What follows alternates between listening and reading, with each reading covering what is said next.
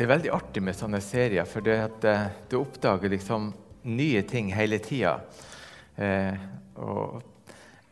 etter forrige gang jeg hadde snakket om greinene, så eh, så jeg et nytt poeng. Det fikk jeg lov til å dele med de på misjonsgruppa. Så eh, de har fått litt ekstra. Så de som ikke var på misjonsgruppa, de kan jo liksom, kan jo liksom tenke dette at her er noe som jeg ikke har fått.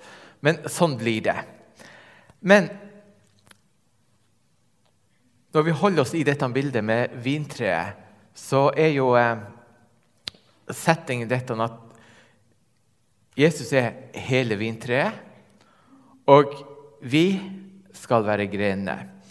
Og som jeg prøvde å si når jeg hadde snakka sist om greiner, så er greina sin funksjon det er dette at de skal produsere frukt. Eller de skal produsere det som skal produseres. Altså, Det er greina sin oppgave. Og Det er derfor Jesus sier at hver grein på meg som bærer mye frukt, de renser han for at de skal bære mer frukt. Altså, Du hører med en gang at målet er at man skal bære mye frukt. Og det er, det er viktig. Og Jeg tenkte litt på det eh, nå i denne uka som har vært. Når Jon Løvland hadde talen her på misjonsdagen, så husker dere han hadde denne mugga ikke sant? som han fylte opp med forskjellige ting. Og det som, det som han gjorde, som viste hvordan mugga kunne få mest i seg, det gjorde han når han putta denne tennisballen oppi, som var et symbol for Jesus. Ikke sant? Og Det forteller oss noe om dette at du må først gjøre de viktige tingene, og så kommer de, alle de andre tingene på plass etter hvert. Altså, Søk først Guds rike og hans rettferdighet, så skal dere få alt det andre i tillegg. Eller som vi ofte sier om grein, ikke sant? grein må ha kontakt med stammen. De må være planta fast på stammen. Og det er nettopp ifra stammen at de får den, noe av den næringa som de trenger for å produsere. Så hvis vi liksom tenker feil, så kan vi bli mindre produktive. Altså, hvis vi tenker at det var veldig mange ting som jeg er nødt til å gjøre som menneske, som jeg er nødt til å få tid til, osv. Og så, hvis det er tid til overs, så har jeg tid til å søke Jesus. Da blir prioriteringa feil, og livet blir lite fruktbart. Så prioriteringa må være på plass. Det er noe av det viktige. Men så leder eh, Olina oss inn på en tekst fra Matteusevangeliet.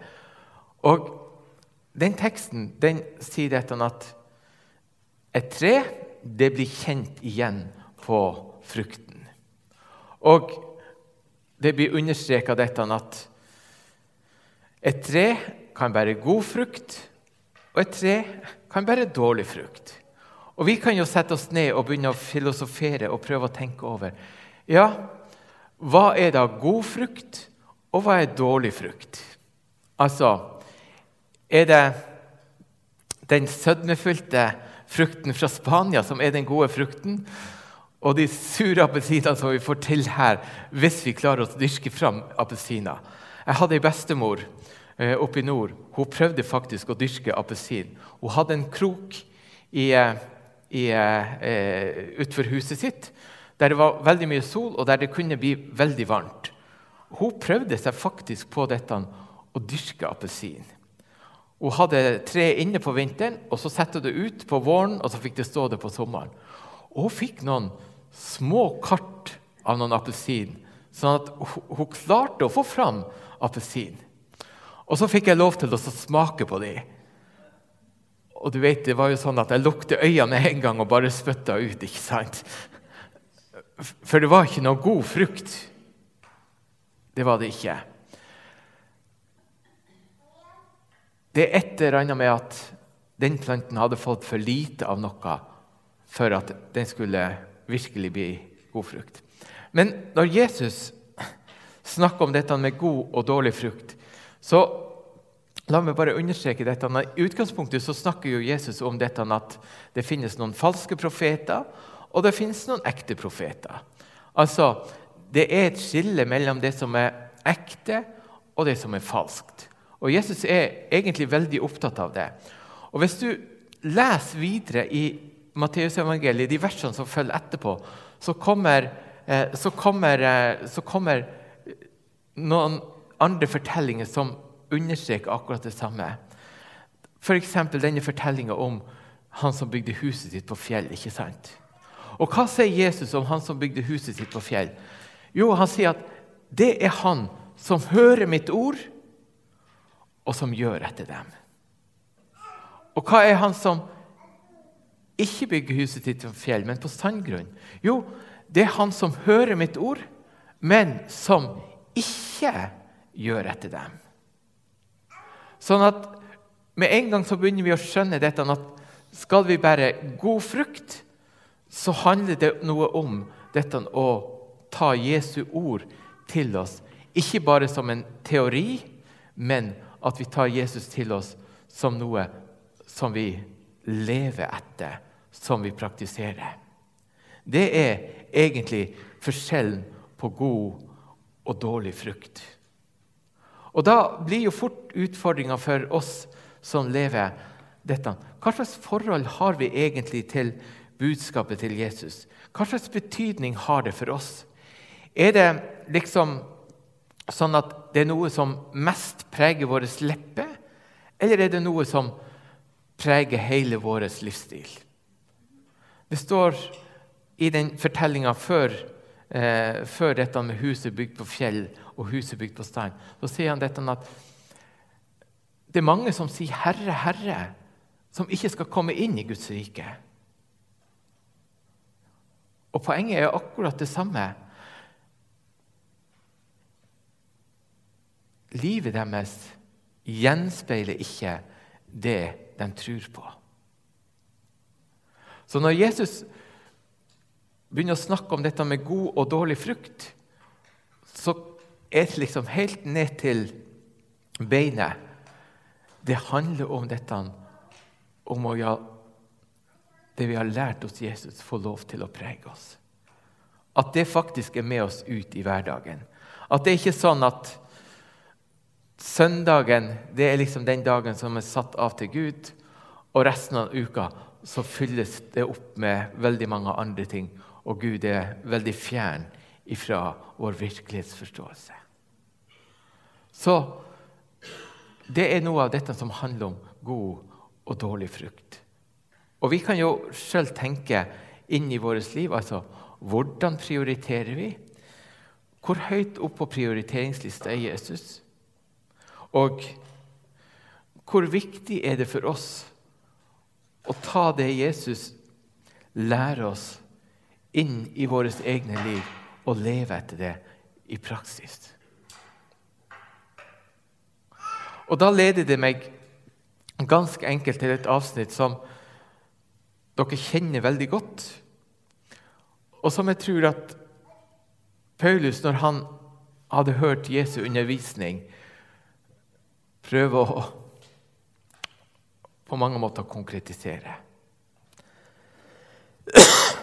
For han sier dette at åndens frukt Altså Når Guds ånd får lov til å virke i våre liv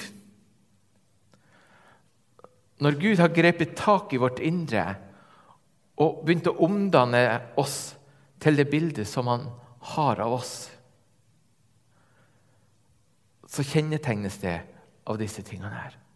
Åndens frukt er kjærlighet, glede, fred, overbærenhet, vennlighet, ydmykhet, selvbeherskelse. Og nå fikk jeg sikkert ikke alle med meg eh, der, men du hører hva disse tingene egentlig handler om. Og så er det et poeng når du bruker dette bildet om Jesus er dette at når en frukt henger på ei grein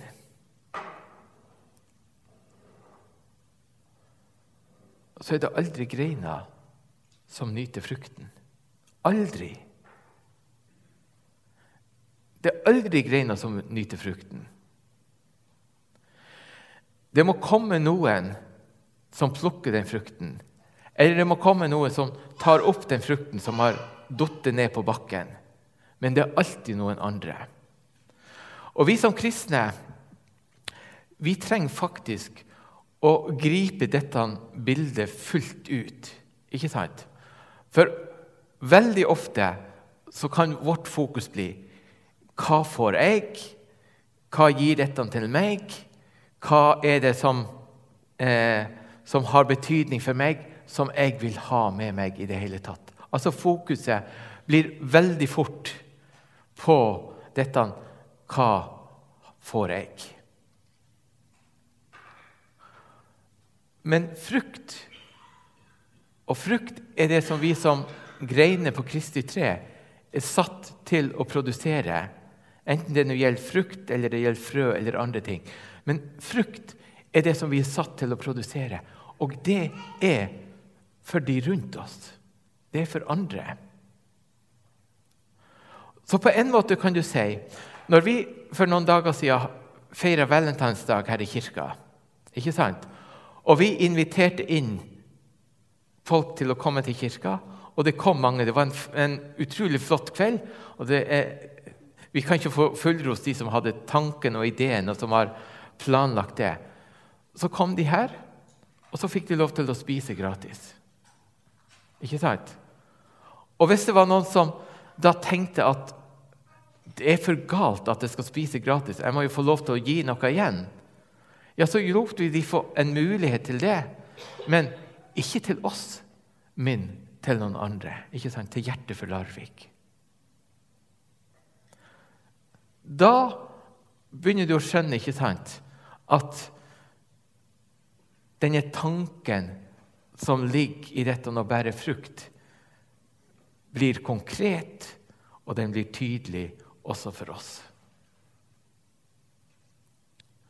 Da begynner vi å skjønne at målet for vårt kristne liv handler mye om hva vi skal bringe videre til andre. Og Derfor blir det så spennende når du går inn i dette avsnittet som Paulus skriver i Galaterbrevet om åndens frukt, når han sier at åndens frukt er kjærlighet. Og Hvis vi skal følge dette bildet og tenke videre, ikke sant? Så, må vi, så må vi tenke på denne måten her. Hvem var det som møtte kjærlighet igjennom meg denne dagen? Altså, hvem var det som møtte kjærlighet gjennom meg denne dagen? Eller hvem var det jeg gleda denne dagen?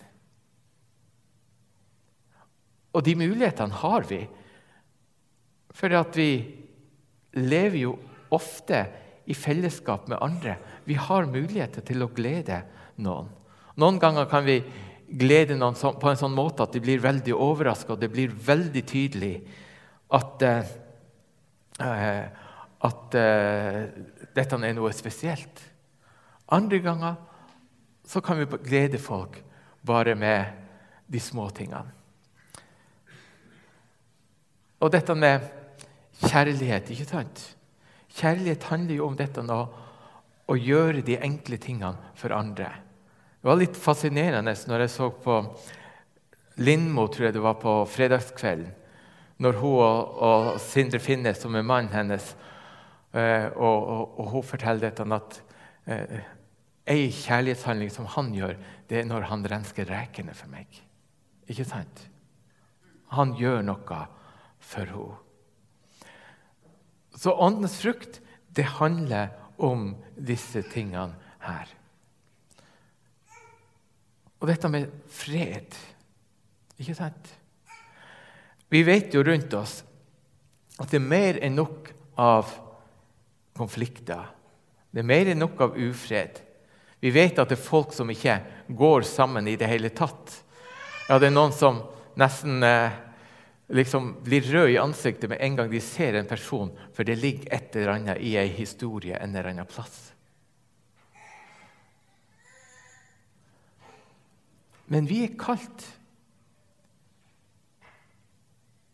til å bringe fred.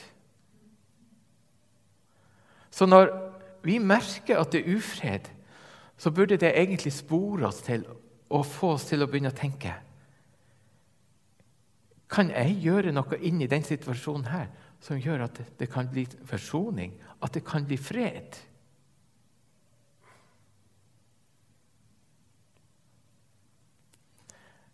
Eller det går videre på dette med selvbeherskelse. Selvbeherskelse er jo en fantastisk ting. Ikke sant? Det å kunne beherske seg sjøl, det, det, det, er en kunst. Ikke sant? Det er ikke bestandig like, enkelt, dette, for det følelsene våre, følelsene våre de, de har et eget, eget, register som de spiller på når det, når det gjelder akkurat det. Og hvis vi liksom skal begynne å tenke som så OK, kjære Gud, gi meg selvbeherskelse, ikke sant? Så kan det fort bli veldig egoistisk. ikke sant? Jeg trenger selvbeherskelse, sånn at jeg kan liksom opptre bedre og eh, oppnå et eller annet i den situasjonen her. Men selvbeherskelsen igjen er jo noe for at det er for andre. Et av de beste eksemplene på selvbeherskelse det, det, det kommer jeg aldri til å glemme eh, når han kom og fortalte meg det en som heter Gunnar Andersen oppe i Svolvær. Han drev, han drev en sånn radio- og TV-forretning. Og han holdt på med dette som kalles for skipselektronikk. altså Ekkolodd og radere og litt sånne forskjellige ting som var utstyr på fiskebåter. Og Han hadde verksted oppe i andre etasje og så hadde han butikk nede i første etasje. Og Dette var i den tida der Eh, disse fargeekkoloddene var begynt å komme. Og det, du vet, det er jo alltid sånn at Når det kommer noe nytt, så er det veldig dyrt til å begynne med. Og Det var en fisker som hadde vært inne og levert inn et fargeekkolodd, sånn at han skulle se på det og reparere det. Og det hadde han gjort. Og Så går han opp i andre etasje, og så kommer han, så kommer han ned. Og så snubler han i trappa, og så går dette fargeekkoloddet i, eh, i gulvet. Og han er helt stille og bare tar det opp igjen. Og fisken som ser på han, sier til han, Du, det er første gangen jeg opplever at noen mister noe i gulvet og ikke bannes. Ikke sant? Dette med selvbeherskelse kan også bli et vitnesbyrd når det gjelder dette. Eller dette med ydmykhet. ikke sant? Merker de menneskene rundt oss at vi er ydmyke? Eller er det veldig viktig for oss å holde på vår rett? For å vinne en diskusjon? Eller for å bare vise at vi har rett i en eller annen sak?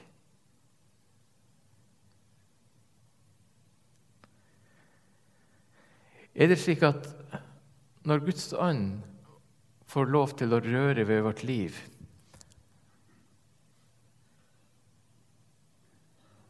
så blir det kanskje ikke så viktig for oss å vinne. Så blir det ikke så viktig for oss å ha rett i alle tingene. Men det viktige blir å ha det rett med de folkene som vi har rundt oss.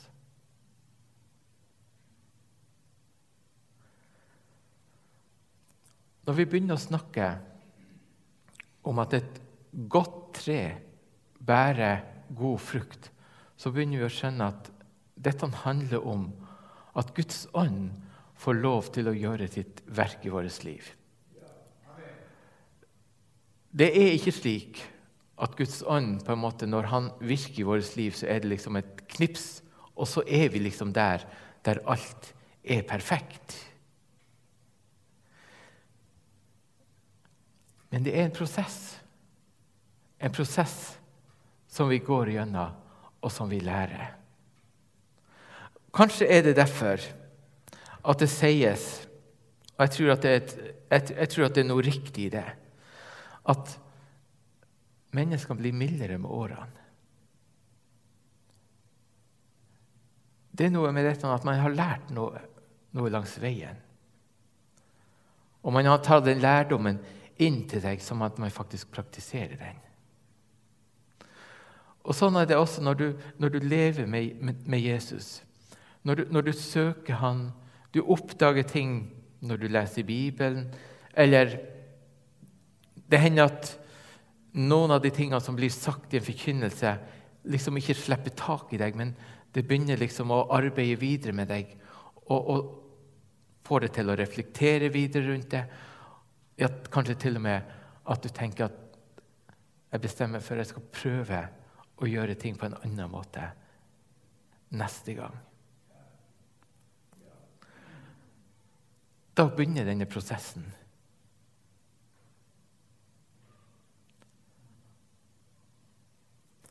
Og den prosessen må vi som kristne leve i. Vi er ikke perfekte, vi er ikke kommet til målet hele tida, men vi er på vei mot målet. Fra du, kan, fra du ser på en måte blomsten som er i ferd med å knyte seg og skal bli til en frukt, til du kan plukke frukten, så har det gått ganske lang tid. Det gjør det også når Gud får lov til å arbeide i vårt liv. Det går tid for at den gode frukten modnes fram hos oss. Det gjør det. Men vi må passe på å ha tilgang til den næringa som vi trenger, slik at den kan få lov til å vokse. Vi må ha kontakt med stammen, med røttene, så vi får de tingene vi trenger derifra. Vi må åpne oss mot den verden som vi lever i, sånn at sollyset kan få lov til å komme. For at vi trenger også sollyset for å skape, eh, skape denne frukten i våre liv. Det hører med begge delene.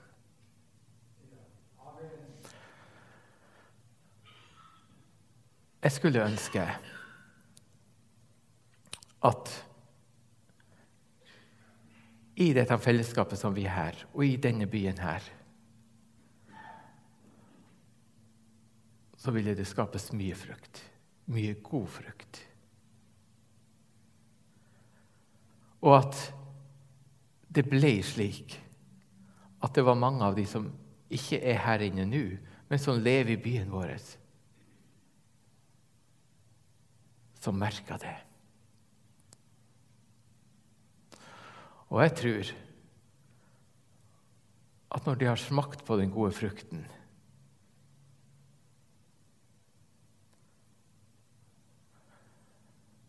Så vil jeg spørre hvordan kan også jeg være med? Og så kan vi få lov til å vise dem veien til Jesus. Han som vi må ha kontakt med for å bære rik frukt. God frukt.